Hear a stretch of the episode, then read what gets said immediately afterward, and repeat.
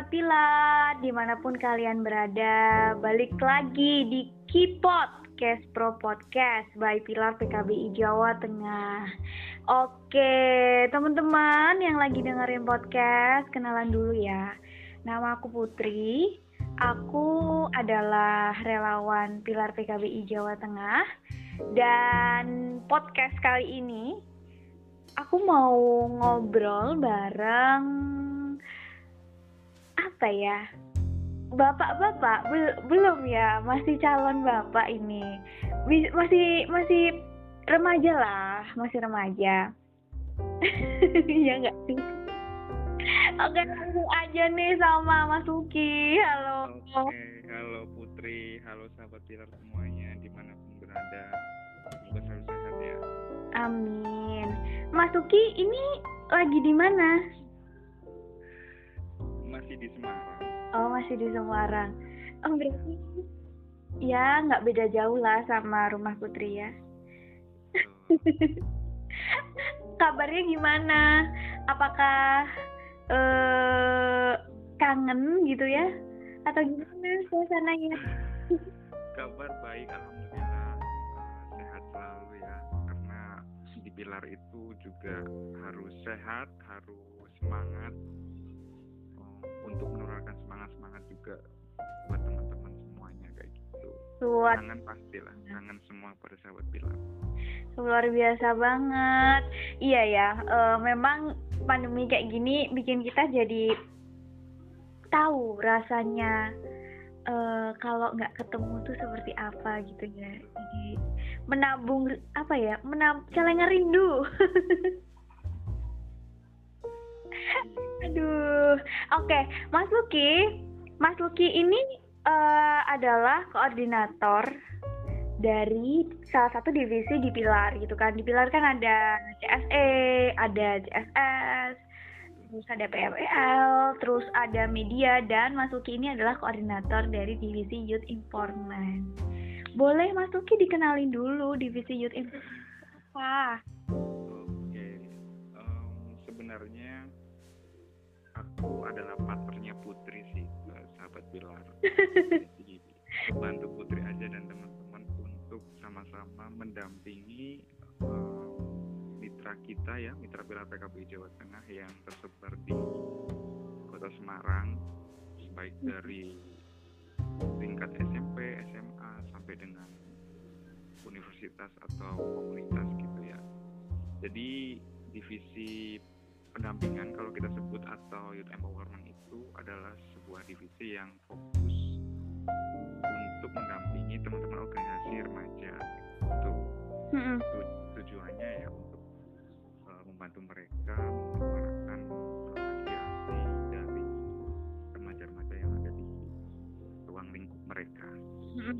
Menarik nih Mas Luki.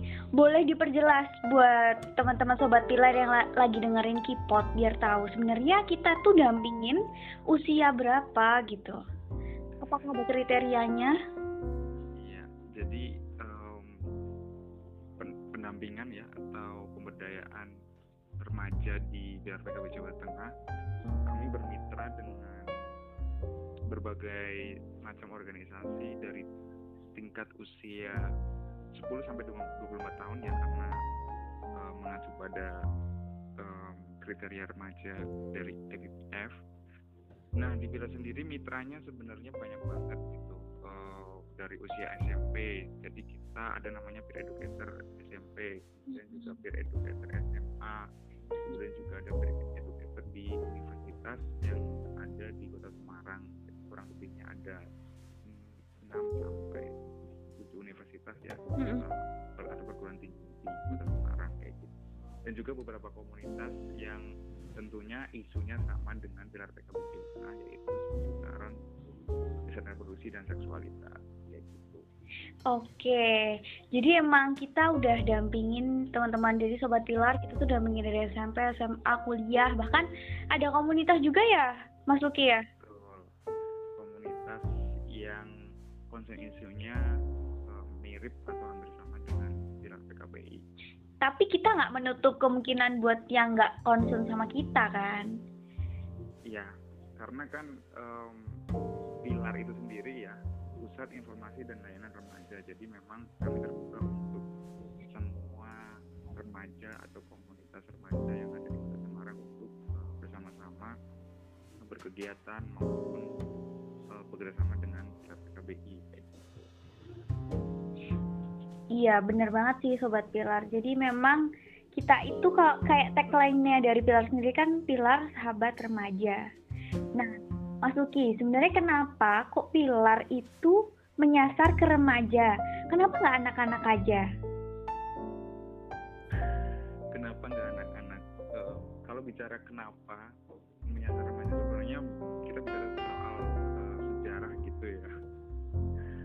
Arti uh, apa yang melatar belakangi kemudian PKBI Jawa Tengah untuk pilar kayak gitu. Mm -hmm. uh, jadi kalau misalkan uh, sebagai informasi teman kalau misalkan teman-teman dapat pilar belum tahu pilar PKBI pilar adalah salah satu program dari PKBI Jawa Tengah uh, yang berdiri sejak tahun 98 1998 jadi waktu itu memang dilatar belakangi oleh adanya berbagai masalah yang terkait dengan remaja seperti kehamilan tidak diinginkan kemudian ada kekerasan seksual dan juga bahkan ada infeksi menular seksual atau IMS, HIV gitu ya yang terjadi banyak pada remaja. Nah atas perhatian itulah yang kemudian PKBI merasa bahwa penting nih harus ada program yang khusus remaja kayak gitu karena pemerintah sendiri mungkin ada gitu ya program khusus remaja tapi belum fokus atau belum jadi prioritas.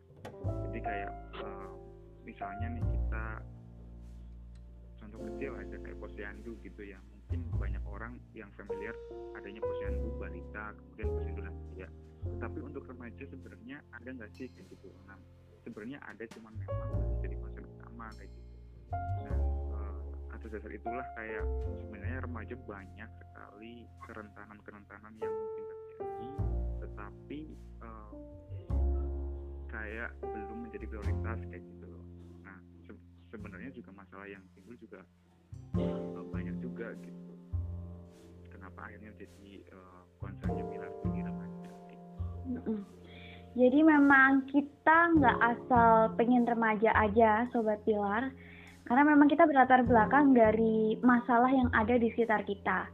Banyak teman-teman remaja itu kurang mendapat perhatian terkait pemenuhan hak kesehatan seksual reproduksi. Itulah yang menjadi semangat buat Pilar untuk bisa uh, sharing sama teman-teman remaja di Jawa Tengah bahkan se Indonesia. Nah, Mas Suki, sebenarnya di YE itu tipnya ada berapa gitu? Ya, YE adalah uh, singkatan dari Youth Empowerment ya. Kami ada lima ya, Put. ada lima, ada lima orang remaja juga gitu ya yang yang uh, menjadi satu tim khusus YE gitu mm-hmm. mendampingi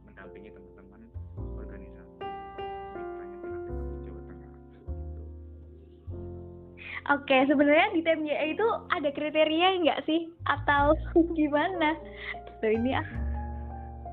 Iya, sebetulnya nggak cuma di YE di uh, apa namanya kriteria ini untuk menjadi relawan Pilar PKBI ya, karena uh, fokus kita kerjanya kerja kerja kita kalau bisa dibilang kerja kerja kita itu untuk remaja jadi mm-hmm. uh, apa namanya orang-orang yang ada di dalamnya pun sebisa mungkin harus remaja kayak gitu. Nah remaja yang seperti apa sih sebenarnya yang uh, bisa masuk pilar atau pilar yang uh, yang dibutuhkan oleh pilar kayak gitu? Tentunya remaja yang memiliki kesadaran itu pertama. Kesadaran tentang apa? Kesadaran tentang bagaimana kita bisa membantu remaja-remaja yang lain yang mungkin di luar sana mempunyai masalah tetapi bingung untuk uh, mencari bantuan. Sifat yang kedua harus memiliki kepedulian dan juga um, kesukarelaan, kesukarelaan ya atau willingness gitu ya. Maksudnya uh, untuk melakukan atau membantu teman-temannya yang lain gitu. Nah, uh, ya prinsip uh, di pilar itu yang utama adalah kerelawanan. Kenapa kita sebenarnya relawan? Ya, karena uh, kita di sini bekerja dari hati ke hati lah. Tidak uh, dijanjikan sesuatu tetapi memang uh, benar-benar niatnya adalah untuk membantu remaja supaya mereka bisa melewati masa remaja itu dengan baik tanpa memiliki masalah pada dirinya. Iya benar banget sih sobat pilar. Buat sobat pilar yang mungkin sering kalinya belum paham ya dan belum berkesempatan ikut kegiatan tahu seluk beluk pilar nah pilar tuh sebenarnya kerelawanan pada intinya. Semua remaja tuh bisa bergabung sama kita gitu. Oke Mas Uki tadi kan kita uh, udah nih YE itu apa terus anggotanya siapa siapa dampingannya. Nah kegiatan YE itu ngapain gitu? Kalau ketemu sama teman-teman dampingan tuh ngapain sebenarnya pada dasarnya kegiatan-kegiatan ini uh, yang utama adalah yang pertama melakukan apa ya uh, bermitra kayak gitu bermitra dengan uh, organisasi atau kelompok atau komunitas remaja yang uh, lain seperti itu. Nah tujuannya apa sih? Tujuannya sharing informasi kita bisa saling belajar kita dari pilar belajar dari organisasi tersebut organisasi juga bisa belajar dari kita. Kemudian juga kalau misalkan kegiatan rutin yang kita lakukan uh, kepada teman-teman kita yang sudah bekerjasama dengan kita itu kita sebut dengan melakukan pendampingan. Pendampingan ini seperti apa gitu gambarnya pendampingan adalah uh, sebenarnya kegiatan yang uh, di dalamnya itu ada unsur edukasi kayak gitu jadi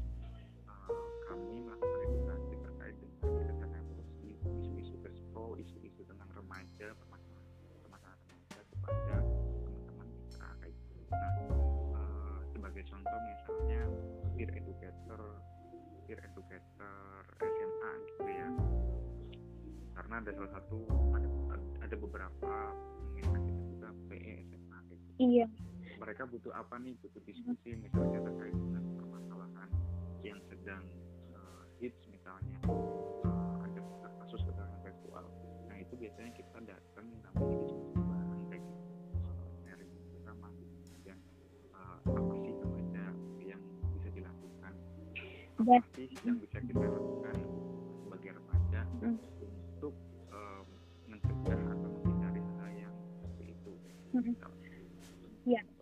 dan itu kita kalau misal diundang pun nggak mengharap harus diberikan uang jajan ya Mas Uki ya kayak ya udah kita sharing aja sama teman-teman gitu kan tidak ada patokan tidak ada sesuatu yang uh, harus diberikan gitu ya maksudnya memang itu tadi kayak karena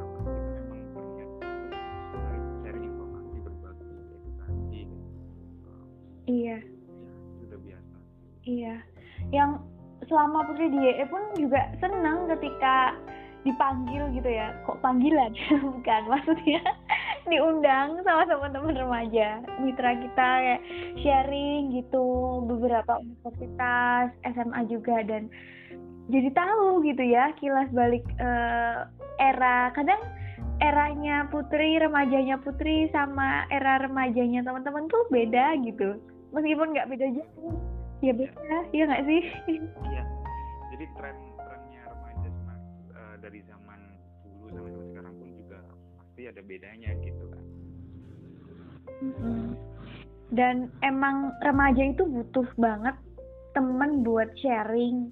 Dan yang sharingin itu sesuatu yang benar gitu nggak nggak mungkin kan kita ya memungkinkan sih kita sharing untuk sesuatu yang nggak benar. Maksudnya yang nggak dipercaya informasinya nggak valid. Cuman sayang gitu ya kita remaja tapi sharingnya sesuatu yang nggak valid gitu. Dan uh, itu sih yang bikin Putri seneng banget ketika gabung di Pilar tuh. Banyak temennya akhirnya ya remaja di kota Semarang ya di Jawa Tengah gitu. Nah Mas Luki uh, sebenarnya teman-teman dari mitra kan kita udah punya mitra nih yeah. itu terserah gitu ya kalau mau manggil pilar kapan pun gitu iya yeah. insya Allah pilar selalu siap gitu ya kalau misalkan uh, kecuali ada ada acara yang menurut tidak bisa tinggalkan ya tapi se, se selain itu maksudnya Pilar sangat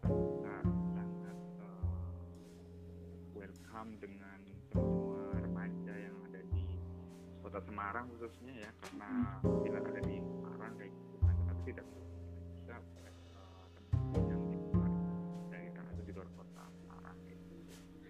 Nah, ya intinya ya Pilar eh, mencoba untuk eh, menjadi sahabat yang ramah untuk remaja kayak gitu. Berarti kalau misal di luar mitra pun ingin mengundang Pilar bisa ya?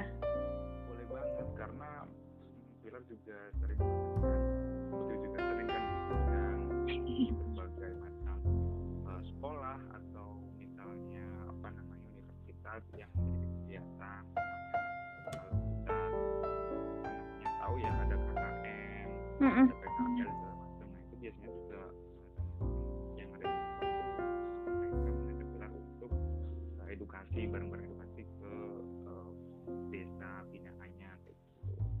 Jadi ya bermacam-macam eh, diundang daerah gitu. Iya. Dan sekian lama Mas Luki berada di Pilar, Nah, penasaran sih Putri.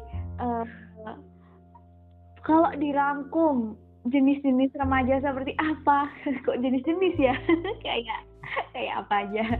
Beragam apa ya? Beragam karakteristik remaja seperti apa yang Mas Luki temuin dan eh, pasti adalah yang mengenang gitu. Entah dampingan atau eh, apa namanya? eh, teman partner sedivisi.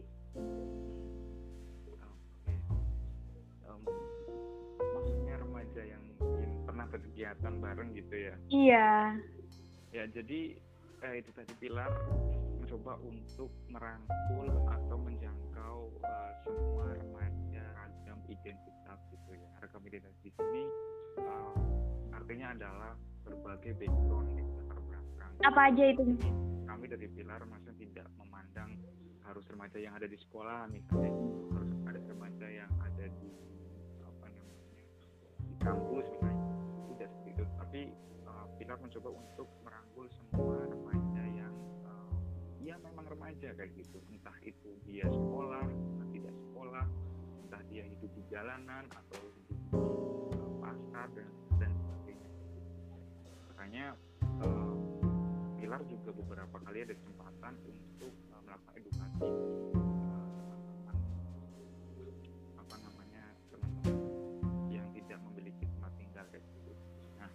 tadi kalau misalkan Putri tanya mungkin ada pengalaman uh, remaja yang uh, unik gitu ya bisa dibilang ya itu tadi uh, aku pernah gitu kan uh, melakukan edukasi yang latar belakangnya mereka kurang beruntung kayak gitu ya tidak bisa dibilang remaja yang bertempat tinggal di jalanan atau di pasar gitu. dengan ya tentunya karakteristik yang sangat-sangat berbeda ya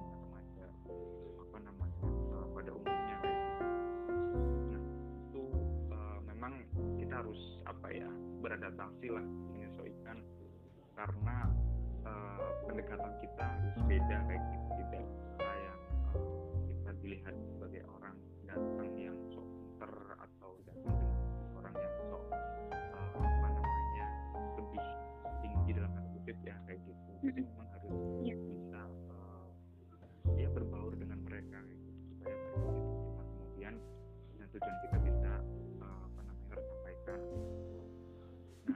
juga ada remaja yang eh, disabilitas kayak gitu ya pilar selalu melibatkan dalam eh, program-program pilar kayak gitu. Iya. Dan pastinya ketika mendampingi remaja yang berbeda eh, karakteristik gitu ya, disabilitas, terus kemudian beda latar belakang pendidikan pun pasti punya strategi dong Mas Tuki. betul betul jangankan yang apa namanya eh, berbeda latar belakang atau berbeda pendidikan gitu ya misalnya yang sama-sama SMA eh, yang sama-sama sekolah gitu aja sangat berbeda gitu antara sekolah satu dengan sekolah yang lain Mm-mm.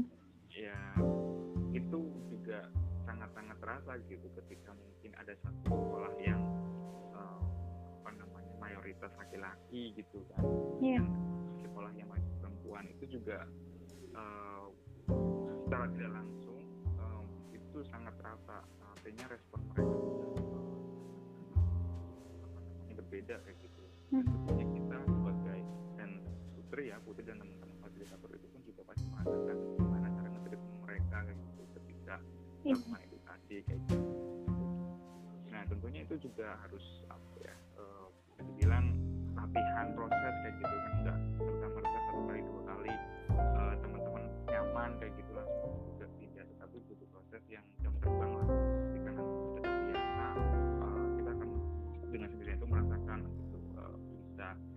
tahu strateginya oh iya kalau misalkan menemukan karakter orang yang atau remaja yang kayak gini kita harus ngapain nih gitu. juga eh, belajar dari apa yang sudah kita lakukan gitu. Iya. Jadi memang sebenarnya trial and error. Hidup tuh Ya. trial and error gitu. Kalau misal kita mau dampingin remaja, mau dampingin anak-anak, dampingin siapa pun ya ya menyesuaikan gitu kan. Menyesuaikan sama mereka gitu kan. Kalau eh, Putri sendiri sampai saat ini kan masih dibilang baru ya belum masa sih baru Iya, masih baru.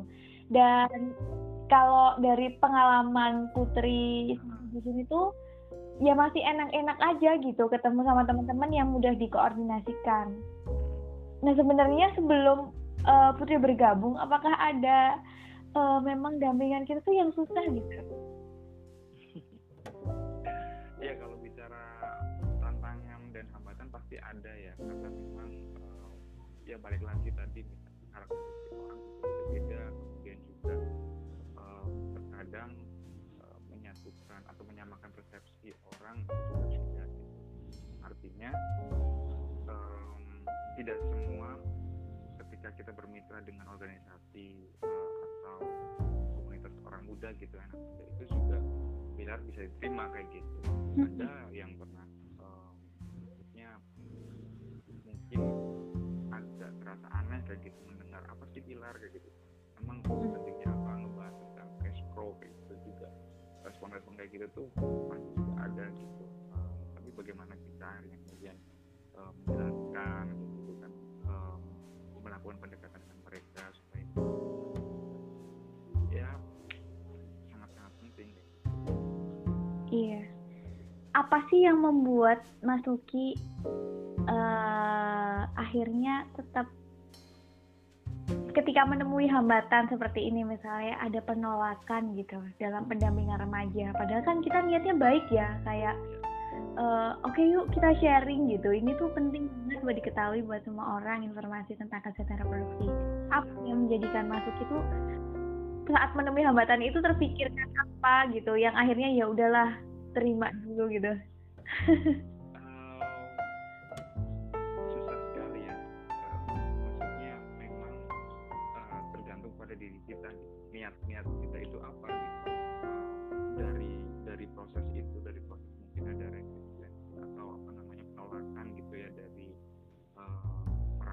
kita tahu komunitas ketika mencoba untuk masuk gitu misalnya. Itu apa ya bisa bilang tuh kayak em, itu adalah seninya gitu. Seni dari eh, melakukan pemberdayaan pada remaja atau itu itu seninya gitu. Nah, kita akan em, apa namanya aku pribadi sih tapi nggak tahu ya. Tapi kalau pribadi itu ketika kita di- bisa diterima kemudian akhirnya jadi masuk itu, itu punya rasa apa ya punya rasa kesenangan tersendiri gitu. Mm-mm. punya kebanggaan Mm-mm. itu yang uh, kemudian ya udah orang niat niat kita itu uh, untuk membantu kayak gitu. Uh, perkara diterima atau tidak itu urusan belakang yang penting kita loh. nah ketika uh, seperti itu kita aku pribadi itu merasa bahwa sudah apa ya uh, melakukan suatu hal yang kecil mungkin tapi memiliki apa ya manfaat aku yakin memiliki manfaat meskipun itu Hmm. sedikit iya uh, untuk orang-orang yang uh, kita bantu misalnya gitu nah jadi di situlah yang kayak ah, ya udah gitu diterima atau tidak diterima itu ya resiko kita harus tapi uh, ketika kita terima itu yang kayak jadi Iya gitu. Jadi sobat pilar, eh, misal sobat pilar di luar sana yang memang kebetulan sama dengan kita melakukan pendampingan pada remaja ya, yang sabar-sabar aja. Iya karena memang eh, remaja ini tipe menurut aku ya tipe manusia yang paling unik dan apa ya paling uh, ngetripnya itu paling yang susah gitu susah Banyak maunya. Iya karena ya dengan apa ya segala sifatnya dengan segala karakteristiknya namanya juga remaja gitu. Banyak orang yang uh, memahami gitu bahwa remaja itu masih dalam keadaan labil pengen ini pengen itu mencari diri lah Iya.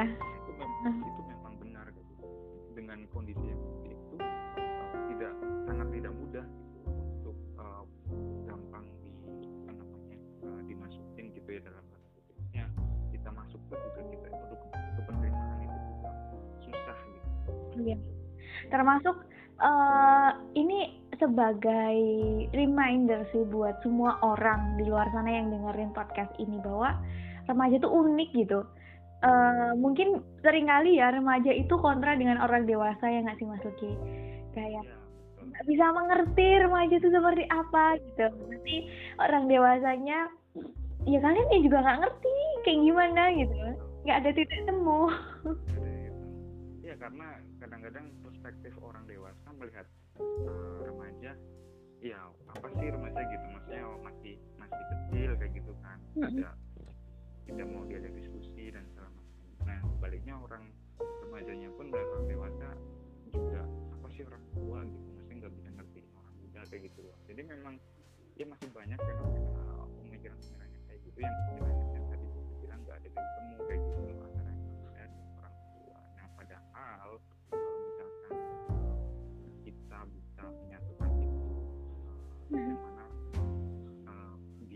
PKB itu punya yang namanya MYP yang kalau aku ingat ya Eh, MYP meaning meaning meaningful youth Participation. participation dan YAP Kalau nggak inget aku nanti di Depak ini PC. Nah, maksudnya keterlibatan anak muda yang bermakna gitu kan. Eh, kemudian juga eh, partnership nih, kerjasama antara orang muda dan orang tua. Apa sih artinya? Maksudnya kolaborasi gitu loh. Eh, alangkah akan menjadi indahnya dunia ini gitu. Maksudnya kehidupan ini ketika orang muda dan orang dewasa itu sama-sama saling melengkapi gitu. Orang mudanya juga eh, respect kepada orang tua, orang tua juga eh, menghargai balik kayak gitu. Memberikan. iya kalau misalkan itu betul-betul sudah terjalin gitu ya kolaborasi yang baik tentunya ketika melakukan sesuatu ketika pasti akan menjadi lebih baik hasilnya kayak gitu nah itu sih prinsip yang mungkin eh, ya Pilar juga lagi berproses lagi belajar untuk menerapkan itu di eh, organisasi gitu. Iya, benar banget sih teman-teman remaja, sobat Pilar dan para mitra Pilar PKBI Jawa Tengah. Kalau remaja itu memang ya gitu, unik gitu. Ya kalau kita jadi remaja, kalau ketemu orang dewasa ya harus tetap hormat, tetap respect. Dan Bapak Ibu sekalian juga uh, bisa memberikan kesempatan buat kita ngobrol, gitu, ngomong mengarahkan, Mas Mbak ngomongnya kayak gini aja gitu misalnya, nggak langsung mematahkan semangat gitu ya. Karena Putri itu uh, sempet dalam situasi di mana dipatahkan semangatnya gitu. Dia kayak "Lu tahu apa? gitu Uluh, lah kalau digituin terus ya udah berarti nggak usah ngomong dong kalau kamu tahu apa gitu. Ya, itu yang memang um, masih banyak yang terjadi. Kemudian juga apa namanya memberikan pemahaman kepada orang-orang dewasa itu juga um, PR gitu. Kita- Mm-mm. perlu proses banget ini kayak eh, materi ini ya promosi ya. Aduh. Bener kan jadi kita kalau mau mengadvokasi orang itu harus ada uh, pendekatannya dulu. Bisa dibilang kayak bina suasananya dulu ya kayak Mas Uki ya. Nah mungkin teman-teman sahabat pilar ya yang di luar sana ini gitu. Kan kalau misalkan um,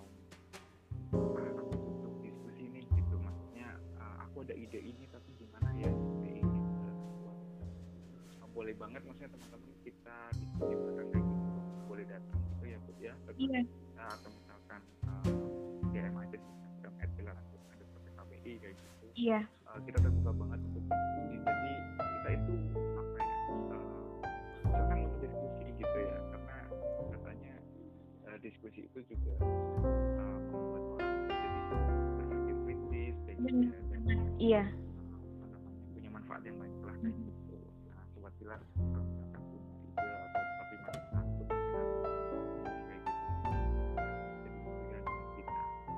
iya benar.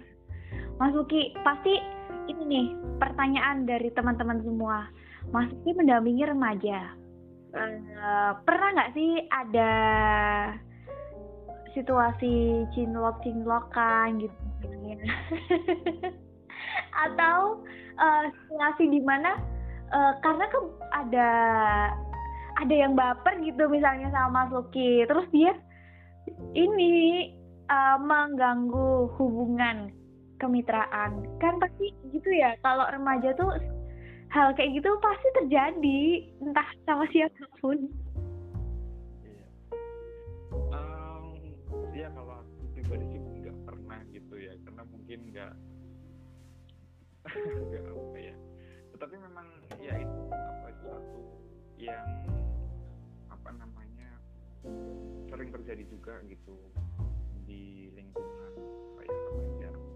Jadi eh, ya itu tadi bahwa sebenarnya tidak ada yang salah ketika tertarik eh, kepada eh, orang lain kayak gitu ya Hmm. tapi memang ya itu tadi eh, kita harus belajar eh, sebagai remaja yang profesional karena kita remaja profesional ya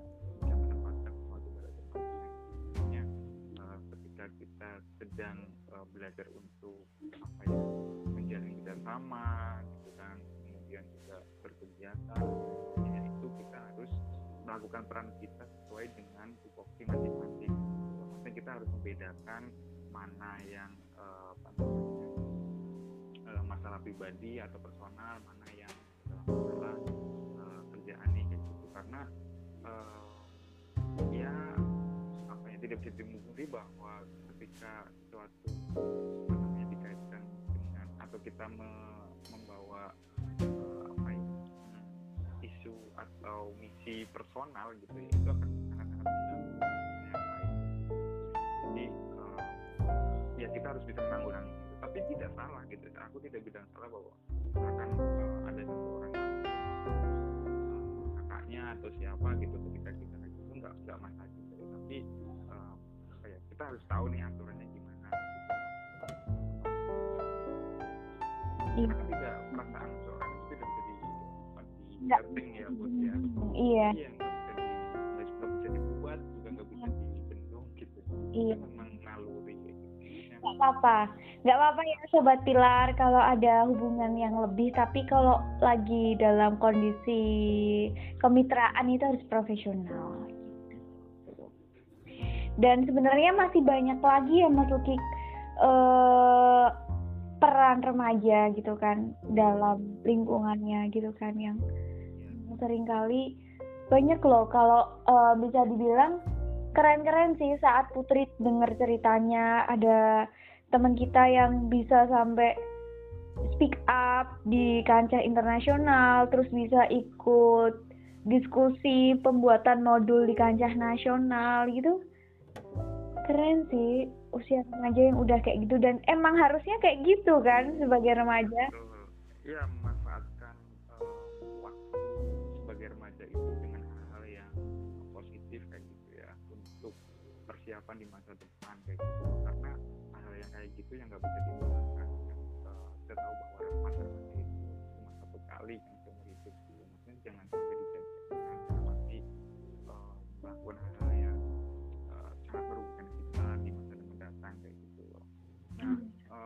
saya Putri sendiri nih. Jadi uh, ketika ditanya maksudnya uh, apa sih yang bisa kita lakukan gitu sebagai ya uh, sebenarnya banyak sekali hal yang bisa uh, kita lakukan.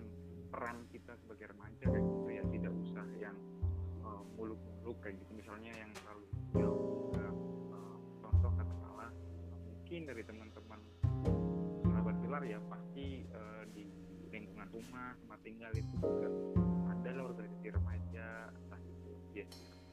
masjid atau taruna dan sebagainya gitu ya.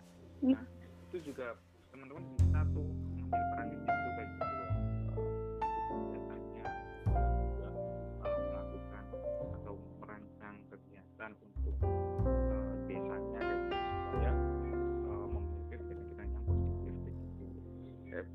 Putri mungkin juga boleh sharing maksudnya apa sih yang dilakukan apa yang diikuti Putri di rumah kayak gitu Iya. ya juga Kalau Putri sendiri sih memang benar-benar berusaha menikmati dunia remaja ya. Karena kalau anak-anak dulu kan benar-benar semuanya asik gitu ya, main, pokoknya main, semuanya main, belajar main, terus ya masih tetap ada batasan. Cuman kalau remaja itu kan kita udah diajak untuk jadi orang yang mandiri dan bertanggung jawab sama diri sendiri. Jadi memang banyak hal yang Putri coba di dunia remaja ini, di masa remaja ini, sebelum akhirnya nanti dewasa memantapkan diri untuk menjadi seorang yang seperti apa. Tapi Putri ngerasain itu nggak sih? ngerasain gimana Iya ngerasain kalau saat remaja tuh kalau orang bilang, ih dinakal-nakalin dulu aja lah gitu. ya ada kayak gitu ya cuman em, apa ya menurutku itu tadi yang kita lakukan eh, pada saat usia remaja ini sedikit banyak akan berdampak pada kehidupan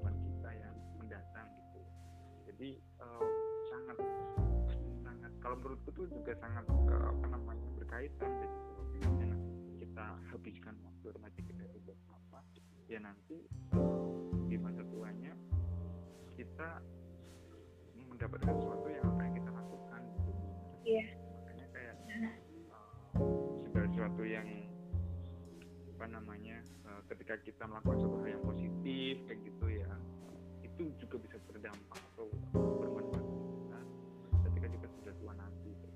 Iya benar. langsung Bener banget sih Sobat Pilar. Jadi semua itu kayak investasi, menabung, menanam.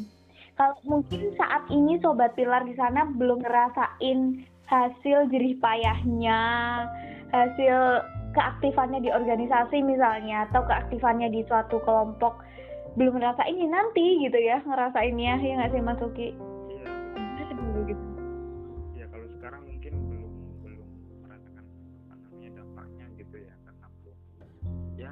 Nggak apa-apa kok aku ngelakuin ini juga nggak apa-apa nyatanya nggak apa-apa gitu ya ini mungkin sekarang nggak apa-apa tapi suatu saat gitu loh ketika kita sudah karena kan kita tahu ya bahwa penyesalan itu biasanya kan di belakang gitu kan nggak mungkin di depan jadi ya jangan sampai kita merasakan penyesalan tidak bisa dibalikkan kan waktunya gitu. Iya. Selagi selagi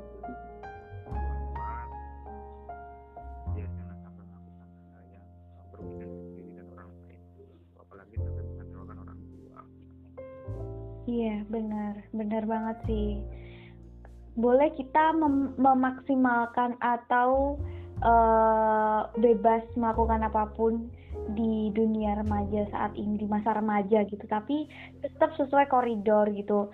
Ya, boleh kita main ya sampai malam, tapi juga nggak kemalam banget ya nggak sih maksudnya. boleh Boleh kita nongkrong gitu kan. Jangan yang aneh-aneh nongkrongnya gitu kan.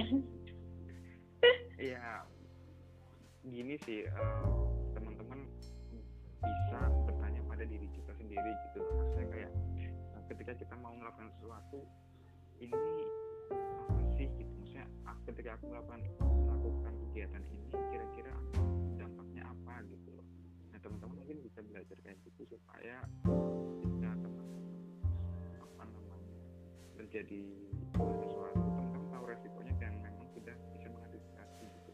Jelas gitu ya Luki iya jangan jangan kayak berpikir enaknya aja gitu. Ah gak apa-apa aku nanti resiko ini aku gak pikirin yang penting aku lakukan ini aku senang gitu misalnya gitu. Tapi kita tan- tanpa memperhatikan atau melihat konsekuensi.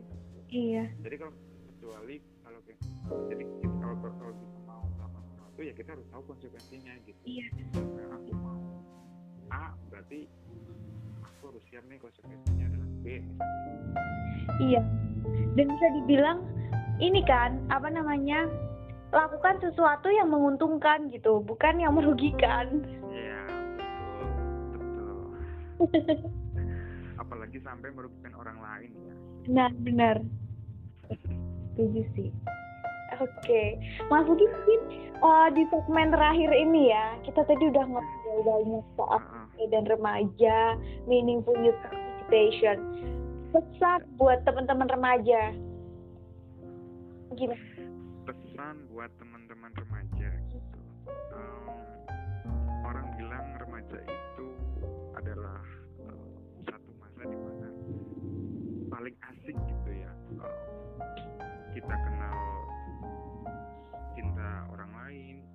mencintai, kenal pacaran gitu tuh di masa remaja. Heeh. Eh, makanya maksudnya maka dari itu em, maksimalkan atau apa ya kita sebagai remaja itu ketika melakukan sesuatu itu kita harus eh, bertanggung jawab atas apa yang kita lakukan gitu. jadi eh, belajarlah menjadi remaja yang bertanggung jawab